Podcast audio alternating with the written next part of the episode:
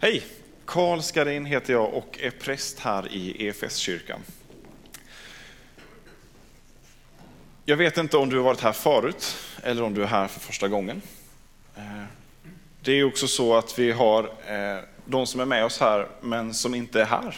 Eh, vi har några som tittar på nätet eller på tv, efskyrkan.tv. Ni finns också med här i våra förböner. Vi har bett för er inför den här gudstjänsten under veckorna. Eh, vi fortsätter be för eh, också de som ännu inte har hittat hit. Eh, att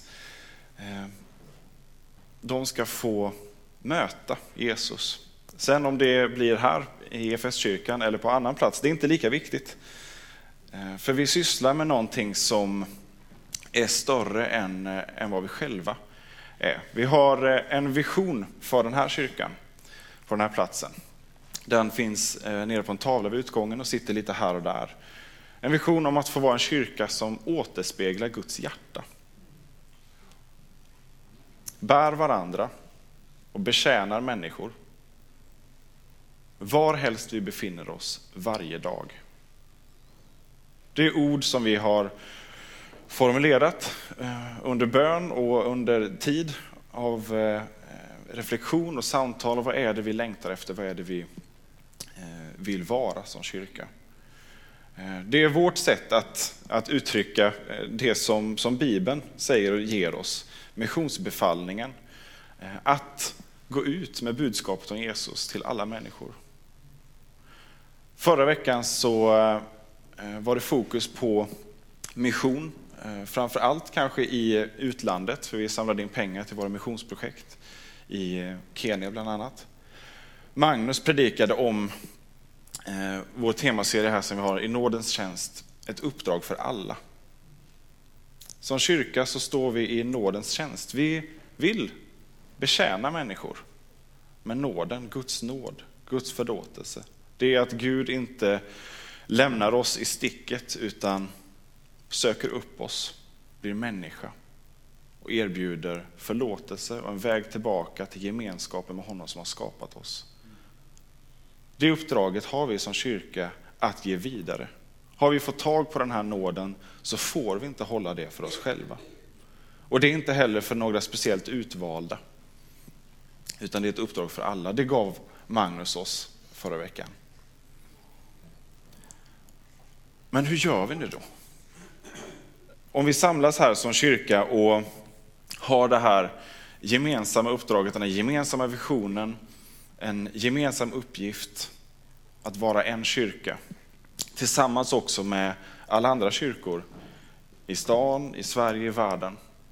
När vi är så olika. Och det får bli det som avslutar vår serie här om eh, en kyrka i nådens tjänst. Med våra olikheter. Och det är en formulering som är, eh, är medveten. Först tänkte vi kanske trots våra olikheter.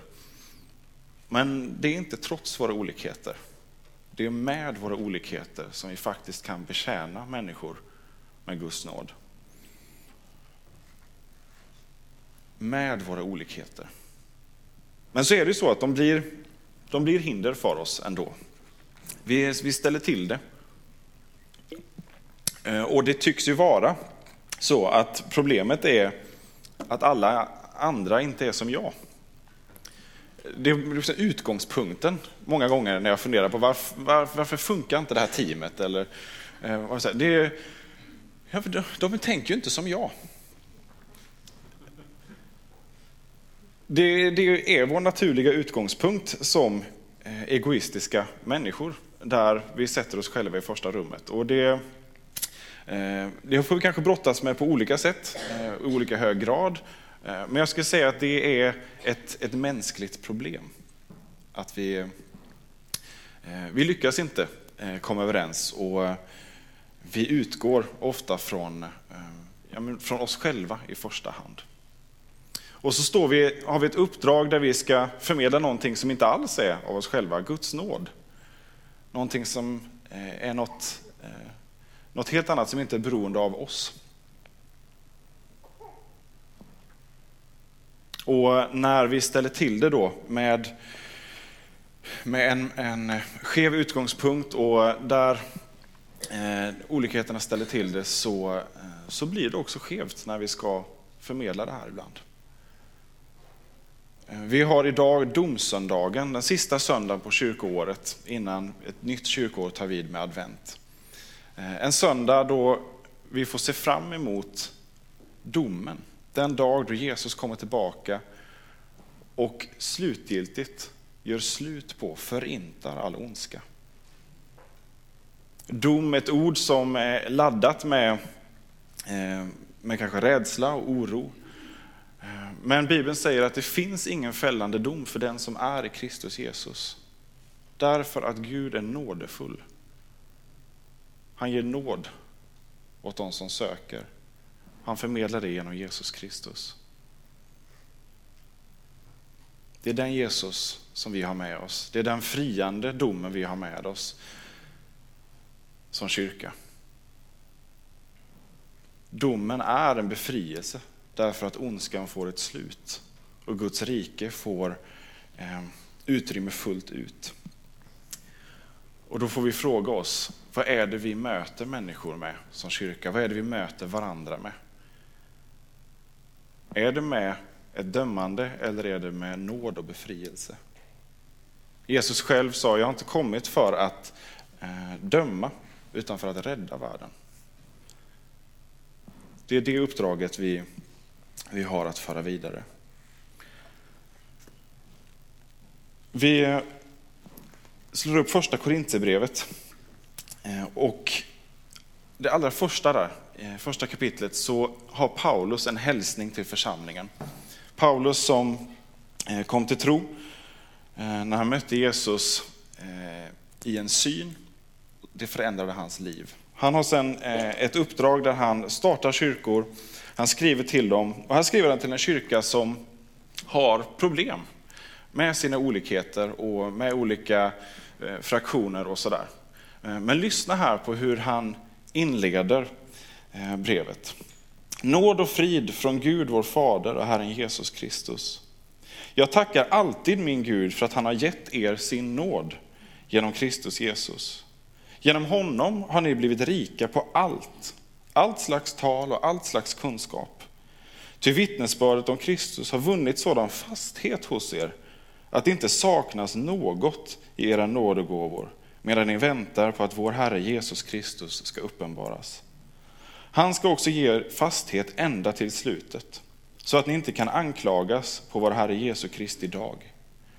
Gud är trofast, han som har kallat er till gemenskap med sin son Jesus Kristus, vår Herre. Men i vår Herre Jesu Kristi namn uppmanar jag er bröder att vara överens och inte dela upp er i olika läger utan återigen stå eniga i tankar och åsikter. Av Kloes folk har jag nämligen fått höra, mina bröder, att det förekommer motsättningar bland er. Vad jag menar är att ni alla säger, jag hör till Paulus, eller jag hör till Apollos, eller jag hör till Kefas, eller jag hör till Kristus. Har Kristus blivit delad? Var det kanske Paulus som korsfästes för er? Eller var det i Paulus namn ni döptes? Jag är tacksam för att det bara är Crispus och Gaius som jag har döpt bland er, så att ingen kan säga att ni har blivit döpta i mitt namn. Jo, Stefanas och hans familj har jag också döpt. Annars vet jag om jag inte har döpt någon. Kristus har inte sänt mig för att döpa, utan för att förkunna budskapet. Men inte med en vältalares vishet. Det skulle, Kristi kors, det skulle göra Kristi kors till tomma ord.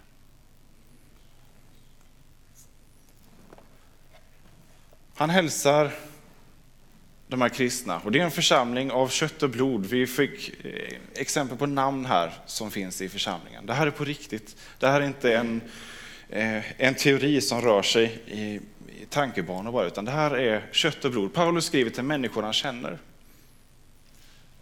Och han hälsar dem att ni har fått allt. Ni har fått tag på Jesus, då har ni allt. Det saknas ingenting hos er. Och ni har alla samma Herre, samma behov av nåd. Ni kallade till gemenskap med honom och med varandra. Så de har allt. Och samtidigt så är det någonting avgörande som saknas.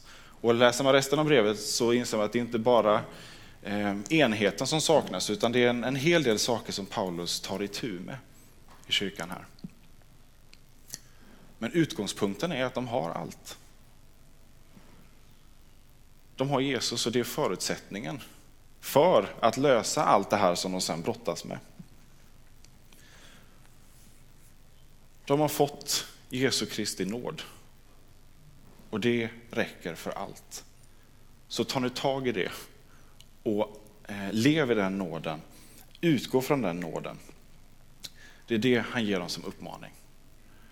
Ni har fått nåd, ni har fått gemenskap med Gud som försonar allt med sig och som ger vägen till försoning också mellan människor.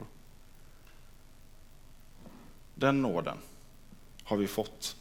Och då behöver vi fråga oss eh, och rannsaka oss. Syns det? Syns det att vi har fått nåd och försoning som uppdrag?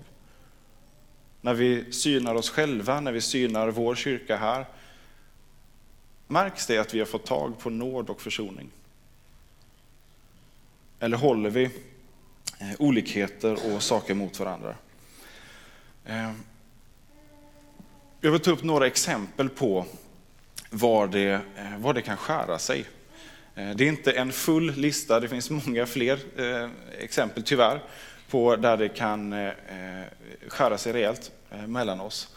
Men tre saker som jag vill nämna som ändå blir tydligt i, i en kyrka, en gemenskap, sådana här personligheter.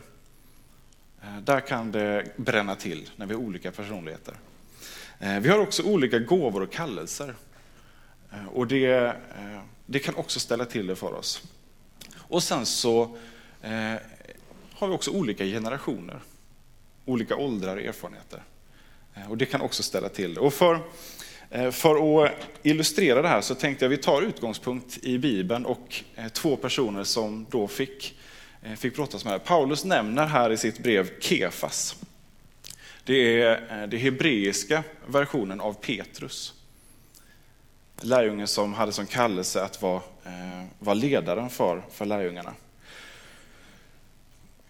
En av dem som har fått efterföljare som säger att vi följer Petrus och det han säger. Några följer Paulus. Petrus och Paulus, lärjungar till Jesus båda två, men oerhört olika. Hade de lätt att komma överens? Nej. Eh, läser och det, kommer, det poppar upp lite här och där. Det är inte någon stor linje hos Paulus att jag är alltid eh, i clinch med, med Petrus. Men, eh, men ständigt så poppar det upp, både när man läser Paulus brev, när man läser apostlärningarna, när man läser Petrusbreven. När han skriver om Paulus så ser man att här finns någonting, här finns en spänning. Eh, och det är roligt. Eh, och vi kan få fokusera på de två. Det är faktiskt så att i år så är det inte bara reformationsminnet, utan det är också 1950 år sedan Petrus och Paulus led martyrdöden i Rom, alltså blev avrättade eh, under kejsarmakten för att de var kristna. Två stycken som eh, gick i nådens tjänst och gick med livet som insats, ända in i döden för det här. Eh, och de fick verka tillsammans eh, i Rom på slutet. Där fick de mötas och förenas också i, eh, i den delen av efterföljelsen, att få ge sitt liv. Så om vi tar personlighet som exempel. Petrus och Paulus, två ganska olika killar. Petrus känner vi som en, en väldigt spontan Eh, Eh, person. Han, eh, han är alltid snabb på eh, beslut. Han är snabb på att följa Jesus och tar initiativ för hela lärjungegruppen. Han är snabb på att hoppa i vattnet när han ser Jesus komma gående på vattnet. Han reflekterar inte över, håller det här eller inte, utan jag vill möta Jesus, så går han. Och det bär så länge han håller ögonen på Jesus. Han är snabb på att säga, vi kommer aldrig överge dig Jesus.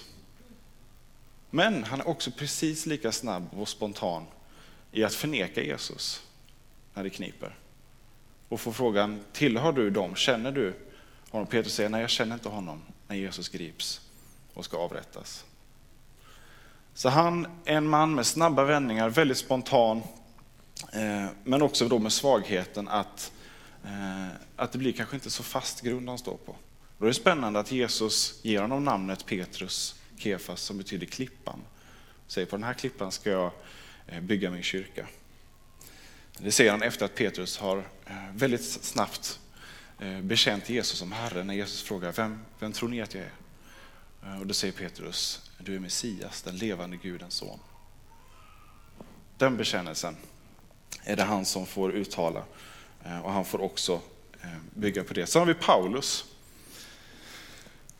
som är en, eh, en mycket metodisk och nitisk lagman. Han eh, är lärd, eh, studerat under många år, befinner sig på den högsta nivån i det judiska religiösa samhället. Han berättar att han har suttit vid högsta rabbinens fötter och blivit undervisad. Så han var kanske nästa överrabbin i Israel, kanske.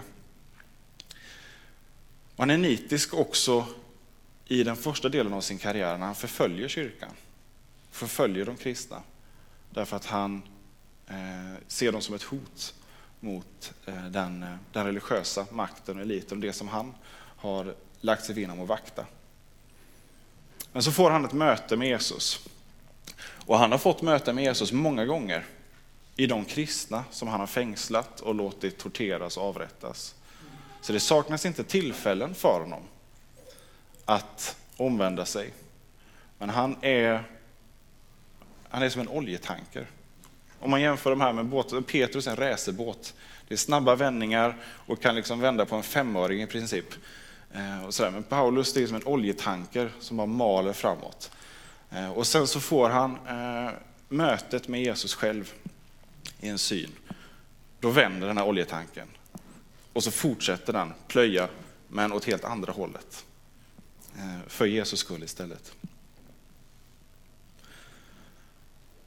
Men såklart sina svagheter då, att eh, inte vara så öppen kanske för eh, för nya insikter. Och så det krävs en ordentlig syn där Paulus blir blind för att han ska kunna vända den här tanken. Så mötet med de här två, sen när Paulus är omvänd, eh, gör att det, det slår lite gnistor om dem. Båda har det gemensamt att de, de behövde krascha fullständigt eh, och blir ganska nedgjorda när de inser vad de har gjort. Petrus har förnekat Jesus, Paulus har förföljt Jesus själv. Men det innebär inte slutet för någon av dem. Det innebär möjligheten att få omvända sig och bli upprättade i Jesu nåd. Och så blir de istället två stycken Eh, kollegor och vänner eh, som får stå i ett gemensamt uppdrag. Men jag tror att de ibland såg på varandra som idioter. Det finns en, eh, en bok som är skriven av Thomas Eriksson som heter Omgiven av idioter. Som är ganska, handlar om personligheter och hur vi fungerar.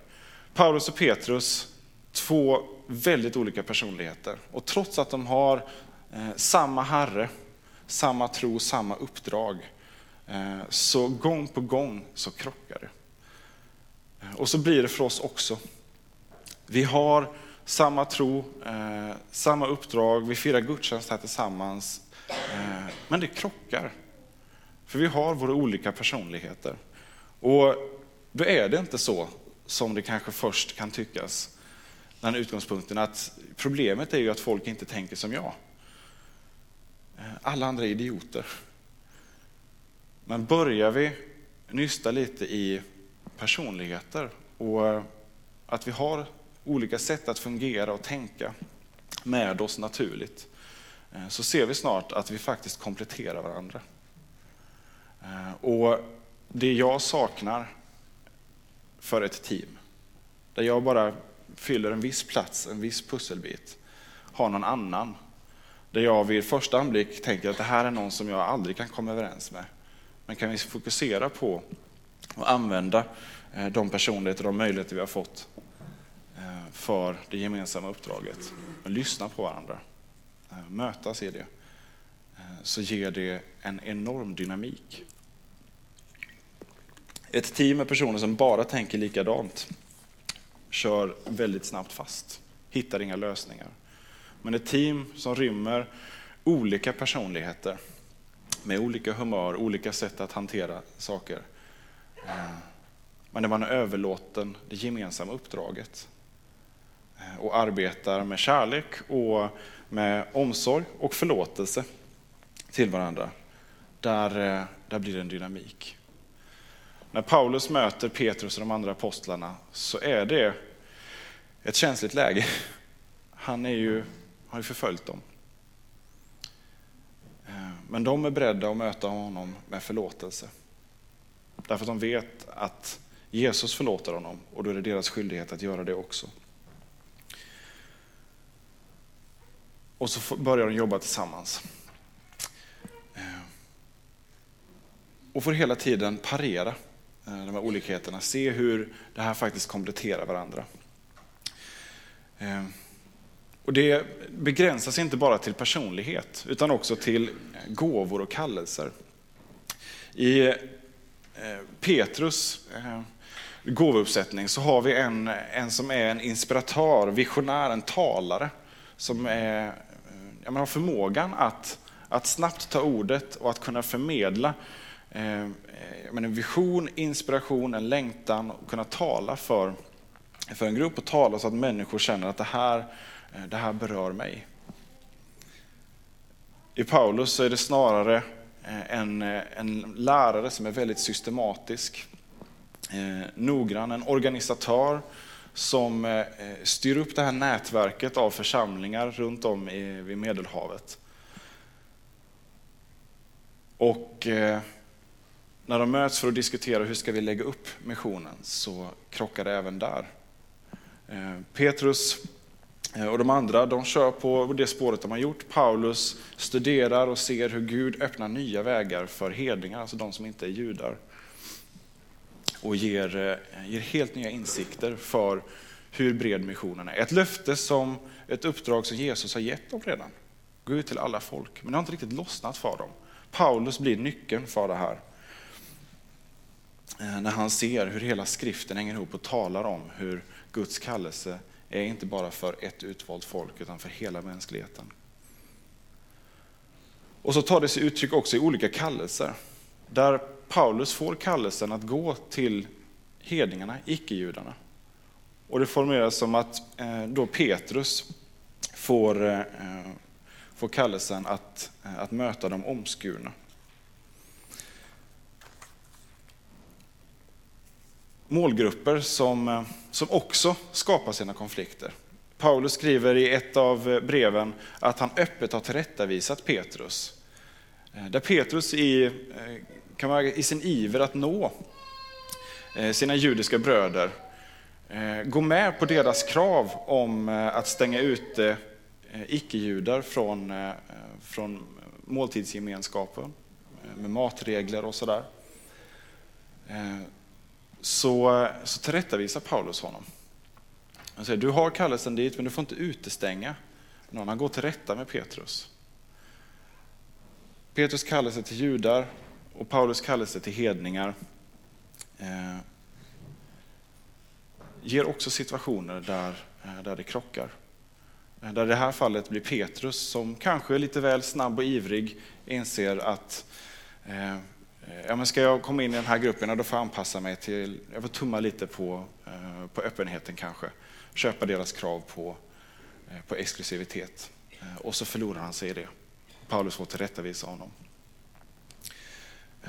De har olika kallelser på det sättet till olika målgrupper. Men det innebär inte att de befinner sig i två helt olika uppdrag, utan det är fortfarande samma uppdrag med samma nåd, samma befrielse och där behöver de skärpa varandra. Vi som kyrka har också ett uppdrag, men vi kommer upptäcka och gör det eh, allt eftersom att vi ser olika grupper. Vi ser olika personer, olika sammanhang som vi känner oss dragna till, som vi känner eh, en nöd för. Där någon eh, ser en grupp människor i samhället Eh, och förstår inte varför de andra inte inser att det här är den viktigaste gruppen som finns. Vi måste lägga alla resurser på den här gruppen. Eh, och Nisse där borta verkar vilja lägga 80% av budgeten på den där gruppen. Det är ju helt meningslöst. Det är de här det handlar om. Om vi stannar där så blir det en konflikt kring var, var, vi lägger våra resurser, var vi lägger vårt fokus. Men om vi ser hur Gud kallar oss till olika platser, använder det hjärta som du och jag har fått för att vi ska gå. För det handlar inte om att samla in pengar till eh, några få missionärer eller några få präster som ska göra uppdraget. Det handlar om ett uppdrag som vi har tillsammans. Där vi alla är kallade att gå. Om vi alla är kallade att gå så kommer vi också få hjärta för olika saker. Vi har också fått gåvor. Olika gåvor. Eh, någon bär på en profetisk nådegåva. Eh, någon annan bär på eh, en gåva att be för sjuka och få se många bli friska när de ber.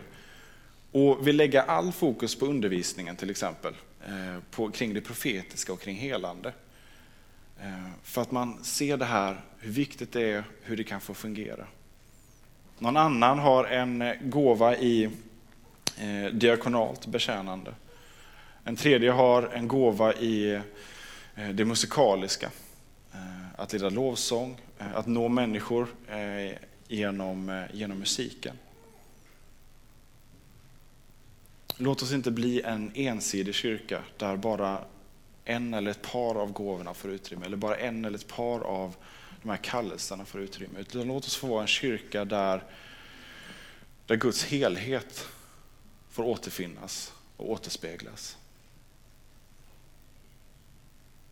Tänk om vi kan få välsigna och uppmuntra varandra och där vår spontana reaktion när vi möter någonting som inte stämmer med, med det jag brinner för eller det, det jag har eh, naturligt för mig. Tänk om den spontana reaktionen kan vara, vad spännande. Är det här någonting som Gud har visat som inte jag fått syn på? Vad roligt. Pröva allt och behåll det goda, säger skriften. Inte avfärda allt och sen se om det var någonting som kanske ändå var okej. Okay. Utan pröva allt och behåll det goda. Ehm. Och så ett område som, eh, som har ställt till det många gånger i, i kyrkans historia. Generationer. Den, eh, det tredje området. Eh, här blir eh, Paulus och Petrus återigen en bild, inte kanske i ålder, de verkar ha legat varandra hyfsat nära i ålder. Men de tillhör olika generationer i hur de har kommit till tro på Jesus. Petrus har fått gå tillsammans med Jesus eh, i fysisk gestalt, följa honom under flera år och blir tränad och upplärd av honom. Paulus kommer efter att Jesus har stigit upp till himlen. Det vi firar under Kristi himmelfärd på våren. Eh, möter Jesus i en syn och får kallelsen att vara apostel utsänd, precis som Petrus och de andra. Där krockar det. Kan han verkligen vara apostel? Han, han har inte gått tillsammans med Jesus som vi har gjort. Eh, han har inte blivit kristen på det sättet. Det verkar ha gått över en dag. Eh, han kommer ju dessutom från fiendesidan eh, och kommit in. Vi, vi tillhör olika generationer. I förhållande till ålder såklart, men också i hur vi har blivit kristna. Var, var har Jesus kommit in i våra liv? Är vi uppvuxna med, med en tro? Är det någonting som har kommit in senare i livet? Eh, vi har eh, eh, det med oss och det formar vårt sätt att tänka vad, vad kyrka är och vad tro är. Det innebar en spänning för, för den första kyrkan det också. Också såklart med, med åldern. Paulus tar dock fasta på att vi är en kyrka av flera generationer också i ålder och det jobbar vi utifrån. Han väntar inte till, eh, till ålderns höst med att utse nya ledare utan han tar tidigt med sig Timoteus, en ung kille, och tar med sig honom, tränar honom som ledare. Eh, och eh, det finns brev skrivna till honom som ger en bild av det här. Och han ger Timoteus vägledningen där, hur, hur hanterar du nu det här? Du är ung, du ska leda människor som, som är äldre än dig. Behandla dem med vardnad och respekt och ödmjukhet. Men var frimodig. Var frimodig och tala utifrån de gåvor och den kallelse du har fått. Och låt inte någon se ner på dig för att du är ung. Vi behöver, behöver inse vilken fantastisk skatt det är att få tillhöra olika generationer. Jag är enormt glad över att få, eh, få kommit hit till den här kyrkan och fått börja jobba här. Eh, utifrån tidigare erfarenheter, där jag varit med i församlingsplanteringar i studentsammanhang, där vi har varit, där åldersspannet har varit eh, 10 år, eller 20 år i bästa fall. Fantastiska möjligheter, otroligt lättarbetat på vissa områden, när man tillhör samma åldersgrupp och samma livssituation och sådär. Eh, men jag kunde känna en, eh, en fattigdom. Det kändes jag saknade. Äldre, jag saknade yngre. Och självklart så saknar vi människor här också. Det finns mängder med människor som, eh, som har sin plats här. Vi kallar det att nå fler. Men här finns en rikedom. Ta inte den för givet. Det har arbetats hårt i den här kyrkan för att barnen ska få en plats för att barnen inte bara är i väntan på att bli vuxna eh, och då eh, ta ett kristet liv, utan här har man arbetat hårt för att det kristna livet är för alla. Barnen får möta Jesus här och nu och de har någonting att säga oss. Så ta inte det för givet.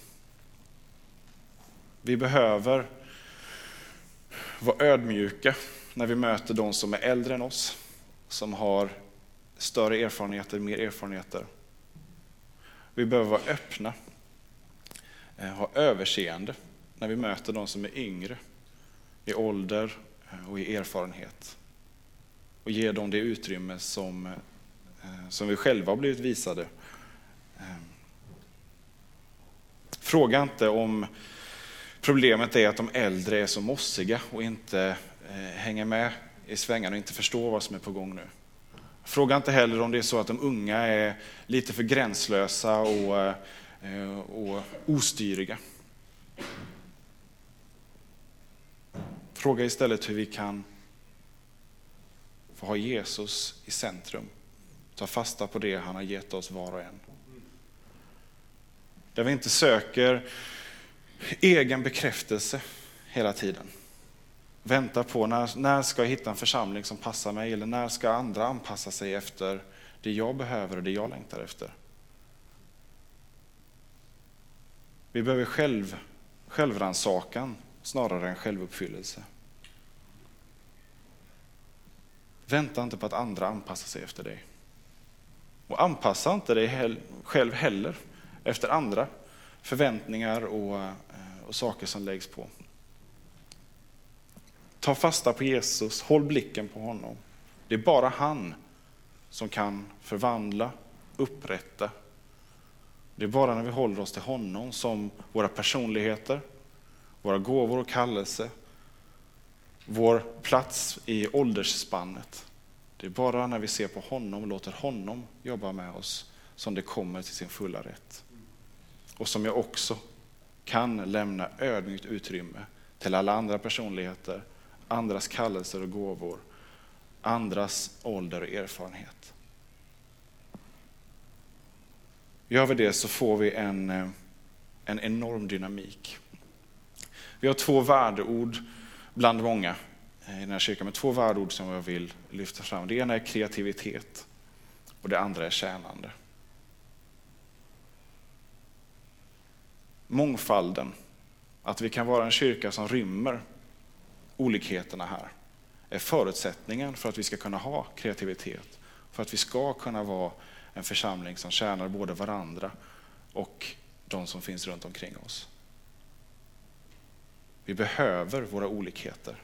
Det är med våra olikheter som, eh, som Jesus blir synlig.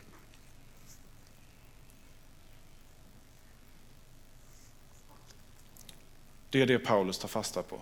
Han eh, säger, jag bryr mig inte om vilka jag har döpt, vilka jag har på min meritlista, vilka som säger att de tillhör mig eller någon annan. Jag vill predika evangelium. Jag vill tala om Jesus. Det är mitt fokus. Och det måste också vara vårt fokus.